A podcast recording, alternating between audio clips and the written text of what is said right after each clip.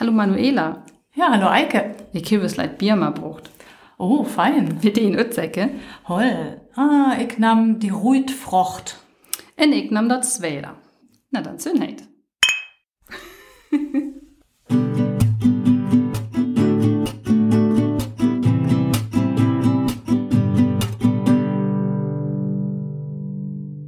Ja, hartlich willkommen. Wir begrüßen jam bei üsen neuen Podcast Haginsen. We, dat san? Eike Christiansen. En Manuela Ross von Friesk vor Ining. Dillings sind wir hier im Studio von Friskus in Brest. En wir hewe Frage auer Frage. Wir haben Podcast. Am wat gunktet der Nau? En mahum hewe jammet her ähnlich zu dauern. Der am, wann wir Dilling in üsen jahrste Podcast von Haag Insen Snorke, ja, en ich slau vor, dat wir üs jam einfach Insen vorstalle. Was meinst du, Eike? Was wird du auf Aken voll von mir Vase? Ui, wat weil ich aber Aken voll von de Vase. ich weil Vase, wer du von kamst, wer bist du too late? Ich kam ut Eitorf, dort aus en Gemeinde und Rheinlön. Äh, ja, der bei Leitz Gorei bei Rhein, hiert aus Lickes er Rheinsig Chris. Ändert aus so wat, ja, dort die Kilometer von Bonn wach. Na, ein Astert ein Grot Tor, also ein Steh und die in bloße Tachen die manchen wat der Boge oder schon No, no, no, der, der Boge so wat ja 20.000 äh, manchen entwasche äh, in der Hiele Gemeinde. No, das ist ja all wat. So Ja. ähnlich als Neibelberg seht. Ja, ähnlich, ja. Na, also der ist volle Lönn drin am und eine Mal dann sind Latz. Just, ja, rucht. Na, en hast du der den Hiel Bianetit verlavet? Nun äh, bitte ich Alven wus, wus ich in Eitorf, und äh, dann sind wir efter Südtürschland fletet. Dann ich ähm, mein Jöget, ich dann Nähe von Stuttgart belavet. Aber nee, von Stuttgart. Ja. Was fein. Im Schwäbenländle. Ja, genau. so ist es. Wie hast du dir der Teruchte finden dann? Ja, das wusste ja sind ein ruchten Kulturschock. Äh, also du und laven aus und Schöll. Und dort da in, auch dann Slang schnorket habe. Ja, ja, ja, ja. Aber dort äh, einmal der Bjane, auch der Lehrere, hewe bloß äh, Schwäbisch sprechen in der Unerrucht. Und hast du dann auch irgendwann angefangen zu schwebeln, ein Loop von der Tit? Ja, ja, ja, das ging dann, das ging Billy Gau. ja, Bjane, äh, hier haben wir Billy Gau in, in den Sprecke, und äh, Lehre auch Sprecke, ja. Besonders Gau. Ja, das stimmt. Ja, en, en dö, was ist mal de? Ähm, warst du her too late? En, en her abwüchsen? En, Ja, ich bin tatsächlich hier ein Neibel too late. Dort kommt ja nur einmal. Gucken, hörst hätt ja nie Ja, ja. die Geburtenstation wäre. Also ich bin der noch too late. Und ähm, bin hier auch abwachsen, ja. Min Hiele Bjane Tittewig her verlabet. Na, en hast du äh, dann efter Schöll, was du dann der blaben, in der bei Stuttgart oder was du fletet irgendwie Hane? Ja, Jasinsen ban ich der Blaven, ein Hefter, ein äh, Kupmansch Ütbilling morget, ähm, ja, efter schöll, äh, kö ich mir eiserucht und schieße, wat ich morge kö, so als Manning audre auch. Lehr und in Studium, ein, ähm, ja, ich hab so Manning unliche Interesse von Medizin, Kunst, Kultur, Sprecke, und ja, deram, ähm, hab ich Jastinsen äh, mein Kupmansch-Utbildung begann. Und der efter ich dann twunti ihr mal mein Tatje in der Bereich Medizintechnik, Strohle Schul in Orbis Schul Orbit. Alles der Dele bei Stuttgart. Ja, das war alles noch der in Stuttgart. Und ähm, dann hab ich noch ein Heilpraktiker-Utbildung morgen. Das hab ich dann so, ja, nächst mit Orbe morgen. Ähm, dann hab ich noch Nasalönsch lehrt und ähm, Leser, als ich efter Berlin fletet, wo hab ich dann noch Kulturwissenschaft, mal als Schwerpunkt Literaturwissenschaft studiert. So hab ich dann doch noch allerhand von mein Hiel Interessenspektrum auf Dacke köt. En hö baste dann her Lönnied. Ja, das ist natürlich auch eine gauen Frage. Ja, dat ich efter Berlin fletet, ban hab ich noch in Ostfraschlen boget. Auf der Island Borkum. Oh, wat fein. Ja, da hab ich heute mit Friedege verbrucht, en will der Insen Lave. Und das war endlich ein Experiment. Am Rütt zu finden, wer ich min Orbe von alle wegens morgen köhe. Oh, Homeoffice, so als hum to der Heere Ja, alle ja, ja, natürlich. das das all in Homeoffice. ähm, aus das ging, ging wunderbar. Äh, en, efter dort ich irgendelung in Berlin wen hef, ähm, weil ich dann wie zu Beek zu West ziehe. Und so bin ich 2013 auf Nordströnn lönnet. Und die Beter seht, endlich unkiemen. Und du warst her. Ja, Der ja, freue en- wir uns auch mit dir. En hur was het bei dir? Was hast du, Margit? Hast du Altitz in Nordfraschnen lavet und die, du, du bist ja was, äh, flätet am den, ja, Studium und die Lehr und die was? Was hast du, Margit? Ja, so ähnlich als bei dir. Wusste ich öfter schon, okay, ja, sie sind Ei, was ich schon. ich habe mich bewerben als äh, vor ein Tierdoktorstudium aus in mein Abitur wusste hin und dann haben wir da mich einnehmen.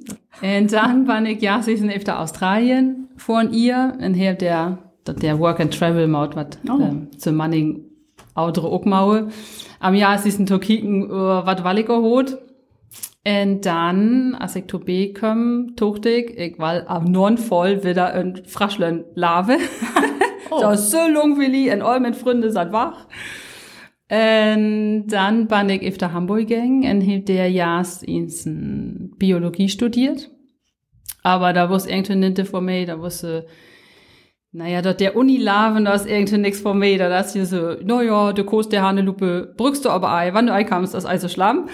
Und der König irgendwie einmal am Gunge, da wusste also min. Also, zu volle Freiheit. Da wusste du volle Freiheit, ja. Und dann habe ich eine Ausbildung gemacht als äh, biologisch-technische Assistentin. Ich der lang Orbit in Hamburg in einem Labor. Und dann habe ich dabei, so als du auch eine Ausbildung gemacht ähm, als Heilpraktiker, was vor Hengste in einfach mhm. manchen. Und als ich dort klar hey, tuchte ich irgendwann, ach na ja, aber richtige Medizin wäre auch schön.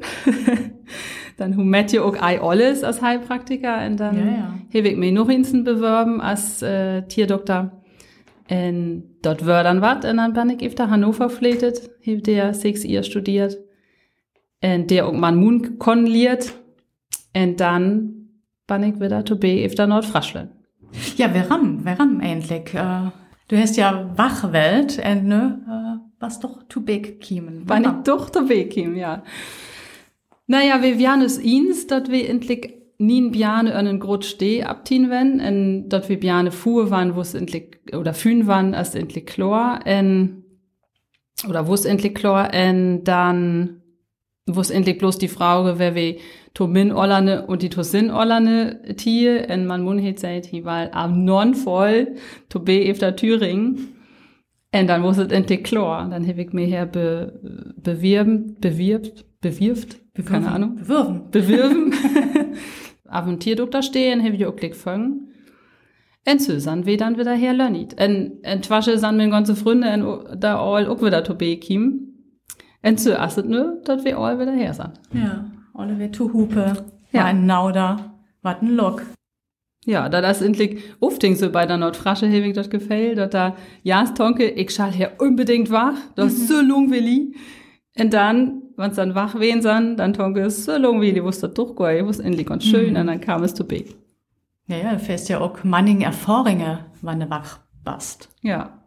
Und Olten dort, wat um Ei het, als die irgendwie dann vielleicht durchgehen so hin. Ja, ja, ja, ja.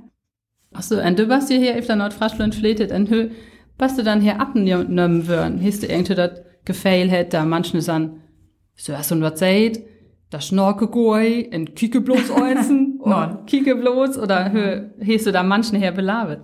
äh, nun, absolut, also in Deal, ähm, et Wort allewegens volle snorket, als, also das Vordeal, ähm, als verkehrt.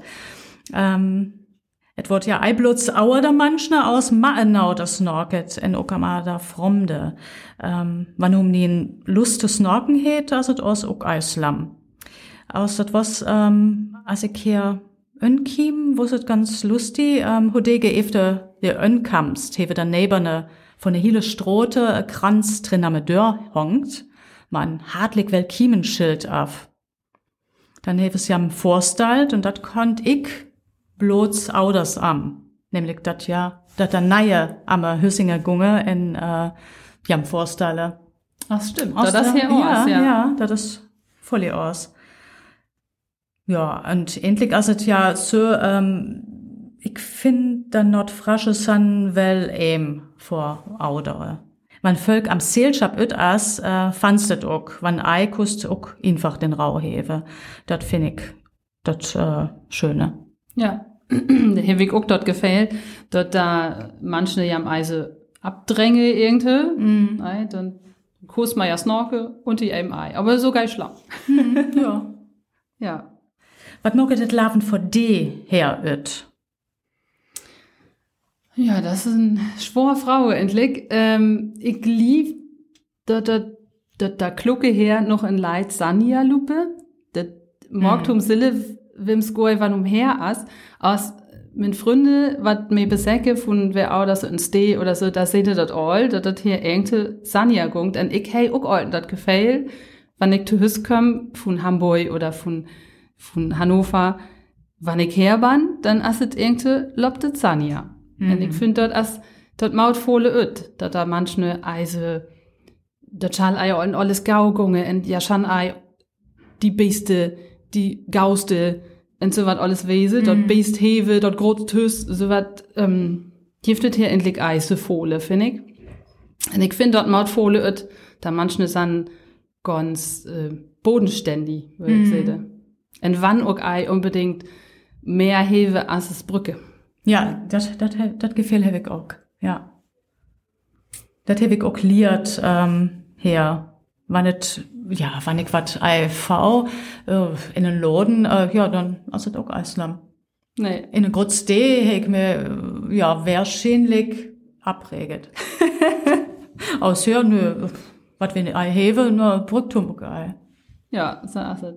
Genau. Ei Ordens, aus, aus, ja, endlich well. So. Ja, und das ist natürlich ja auch äh, wunderbar, dass um so volle Platz hat, ne? Ja, so Das was ist ja es. jetzt ja besonders wichtig in der wilde Lockdown-Titte, Ja, dort ist um es. einfach efter bitte gunge kö. Draw wird noch eine Manche. ja, ja, oh, das was fein. Dort was fein. Aber Ja. ja. ne, also ja, für Autos am. Nee, das merke ich auch sehen. Also, so, so, als wir hier Boge, most Arken heten Tönen, en man ab Jahre Mhm. rüt, und so, weil ich mir vorstelle, der in Hannover, in Üslatburg, und wenn du dann noch Taulat hest, so, uh, da das wirklich hier in Leid, Grutta, in, ja, als lieb ich auch vor der Bjane ganz schön so abzuwachsen, Mhm. ne? Da da ein volle Platz hest. Ja, ja, ja, auf Arken voll. Das hätte mir auch quälen, äh, als ich efter äh, Südtürschland fletet bahn. Ja, der ist hier eisevolle Platz. Ja, ja, und dann da Hochhösinge und, oh nee, das was auch so fein. Das was doch, Ziemlich Noah. ja, ja, ja, ja. Das ist ne Blick Heker. Einmal so ein Grott Freiheit, als auf Lönn. Werk volle Bütten, spale Kö. Ja, und wat morgens nö, endlich. Ja, nö, bannig äh, sunt six ihr Tierdoktor her in Nordfraschland. En ja, endlich auch ziemlich lucklig. Twasche dö hab ich noch äh, taub Jane fangen. Oas äh, nö orbig als Tierdoktor. En wat as Madei, wat maus dünne? So, ammen bei Auder Hulef ihr, ob ich ne bei Nordfrisk Theater eine Projekt für Wolting en as Geschäftsförster. Ähm, ja, so habe ich dann doch noch volle mal Kunst, Sprecke in Kultur to down. En Gur nennte mehr mal Medizintechnik. Non, Auer nennte. En sehme isen, wer hieß du dann endlich fraschliert en veram? Frasch habe ich in äh, Volkshochschule bei Thomas Stensen. Und das äh, mag ich noch altens. Äh, Entweder was auch wird der nächste Kurs. Ähm, ja, das wus endlich all, äh, als ich auf Borkum lavet hef in Ostfraschland, wird ja auch Hoten in Frasch, äh, Hoten in Friesk äh, sprechen. Das Ostfriesk ist ja äh, Plottürsch. Äh, mal, ja, der Influss von Naserlönsch. En ähm, ja, jüttet wusste ich gar nicht, dass es deren Verschill jev twasche Plortüsch en äh, frasch en dat heb ich dann auch erst liert äh, ja da wusste ich endlich noch in Berlin. Da heb ich Kontakt zur frasche Red abnehmen en well er in sen Mör am frasches Brecke hier en da heb ich ein DVD für en äh, CD en ja und dann heb ich tocht wann ich efter äh, Nordfraschnen fleht dann weil ich auch frasch liere en dat in zijn ja, verzeegd aus. Ja, dann jeweils durch doch einen Kurs. En äh, ja, dann heb ik äh, also trier sund asset ook. Äh, heb ik dann begann frastulieren. In der Tasche habe ich dann lest ihr äh, bei Gary Funk noch äh, fraschliert in einen Konversationskurs. Ja, das war dann Arken Day und das ging dann auch Belly Gött aus, äh, ja, dann was die Lockdown vorbei. dann was was dann doch alles wie für jeden. Das kommt gau ein. Ja, ja, das ja. ist, das ist uh, wirklich kief. Ja, das habe ich auch gemerkt, als ich da 15 IAI in Nordfriesland boget habe. Und bloß wenn Thomas mit Mam telefoniert habe und diese, dann gungt das einmal so gehört mal das Fraschnorken. Mhm. Das verliert um, oder man verliert dort ja Ei, aber voll schwor der zu schnorken. Mhm. Der Uhr de Brege dann ja siesen und so. Ja. Der war erst ja den Mamas Spreck, ei? Ja, das stimmt. Da das min Mammen Spreck, also min Mam schnorket frasch ma ös zu hüs. Man tat ja ei, die ist tschüsch. en well og nien frasch ma is schnorke, hier verstundet natürlich alles. Mhm. Äh, der dort weh all oltens frasch schnorket hebe, en ähm, je sit von min Mam, da schnorke auch all frasch, also min Tante en Onkel mhm. all in Otte. Da schnorken all frasch. Was man tat je well dort irgendwie. Da wusste ich auch eise modern. Ich bin ja Anfang der Tachen dir ihr Toilette und dann wusstet ihr just dort um See, oh, da ja, ne Menü bloß on sprekeliere, dann wann der Tau sprekeliere, dann fuhr der dort ganz schwor in Schöll und das guckt auch Hotei.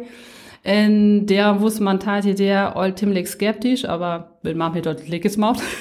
ja, ja, das Problem hätte ja Manning hätte. Ja, hier, ne? das ja. ist ja auch gar nicht so fein, frasch zu snorken. Nee, ne? genau. Nee, Huchtschüsch wusste irgendwie dort was um Schnorke en lyrische, also. Und Plortschisch, der wusste ja auch ganz, der wusste auch ganz verpönt, wann um dann Plortschisch schnorkt. Mhm, mhm, mhm. Das war nicht die feine Art, aber voll. ja, das ist auch das sind Schwabenlön. Ja, der um Sposi, wann um Tisch noch. Ja, ja, wirklich.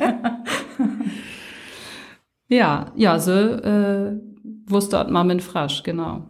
Ein Mammen Biane schnorkig ne auch Frasch. Ähm, man Mun kam hier Thüringen, die het Frasch maliert Madaviane und fangt hier an, mal bloß so Latje kehre als, was du Hunger? und dann hat die dort so maliert, eh? und mhm. äh, if da most viel ihr schnorkt die endlich ziemlich gut, mal ich sehe. Mhm. Also schnorke wie most bloß frasch tues, tschüss, liere da bjane jüsse, naja, ich schnork mal man Mann, Mama Mun endlich tues most nie frasch.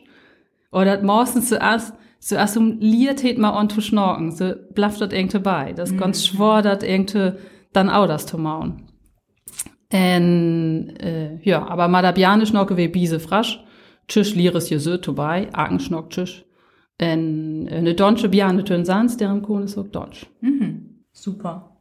Ja, Pflichtlehre geht auch noch so, dass ich jetzt äh, fließend spreche. Ja, weiß ich auch nicht, was das heißt. das ist Bedergung, das ist Bedergung.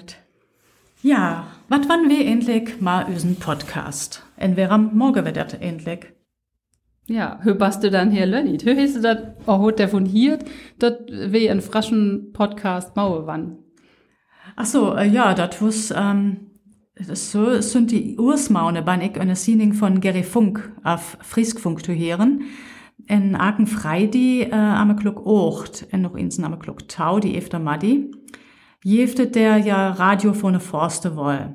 En dat, äh, dort morget wirklich volles Boos.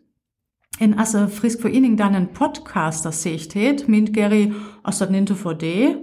Ähm, ja, ich wusste, jast, ei was auf, ich dat auch hot kon, ähm, hilft mir dann aus, Lickes bewürfen. Ja, ne, stön ja wie diese Smucke her. Studio mal ist ein erster Podcast. So, so ist das Kim. Ja, so ähnlich muss er bei mir auch. Ich habe eine Bläse lesen. Und hielt hoch, oh, da macht bestimmt Spaß. Und der steht irgendwie um Schall mal Technik irgendwas kone. Naja, ich ich kann nicht sprechen, das langt hier vielleicht. Da passt doch Naja, Hupe, oder? Passt doch Tube. Ne, sagte wir her. Das noch ist eine igmocke Technik. ne? genau. ja, und wat, äh, wann wir endlich der mal morgen? Wat, äh, Ja, wer war, wer waren wer Hane da mal? Ja, der ähm, sind wir endlich noch ganz eben, ei, wie wann endlich manchne, ist mal manchne drauf, wenn mal manchne Schnorke, wat ähm, wat tu, wat wat tu vertellen hebe, würde ich sagen. Ja, wat, wat, wat auf frasch zu vertellen. Ja, hebe, wat wat auf natürlich, frasch ne? Das- vertellen hebe, natürlich. Genau, und der, Ja, endlich ganz normale Mensch, ne? Aber es, es können natürlich auch was ganz Besonderes sein, was wir Partys. ja, mal manchne auch verschiedene Themen schnorke. Und kicke, wat da ja so ein jange Larven belavet hebe. Ja. Es kommt ja auch ein Leid an mit Daker Days Larven in Nordfraschland. Ja. Wat da manchne so et Jahre Larven maue. Ja. Oder noch maue wann. Ja, ich denke, das wird wirklich spannend. Ja. Da tong ich auch. Ja, Eike, äh, minst dort das Larven in Nordfraschland endlich attraktiv für junge Menschen oder und die Familie ist. Da das ein gau Frau endlich. Ähm, als wir Herr Hanetegen san, öden Grut steh, wären wir doch ja, es ist ein ziemlich schockiert, wattet hier alles Eigift.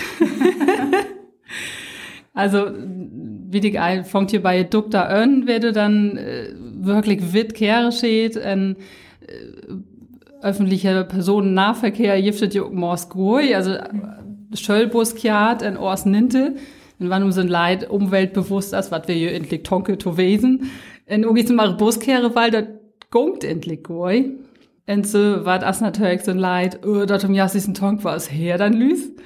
Aber wann um am jassischen der Tovanität, und so als ich sagte, Herr Lopp, das Lamen jog endlich ei so gau, da brückt ei olten alles sofort an ne Wese, dann, ähm, dann finde ich endlich dort dort ziemlich attraktiv ist. Dann da manche sind, finde ich wirklich toll in im hartet ähm, so rumhart Chlorkimming.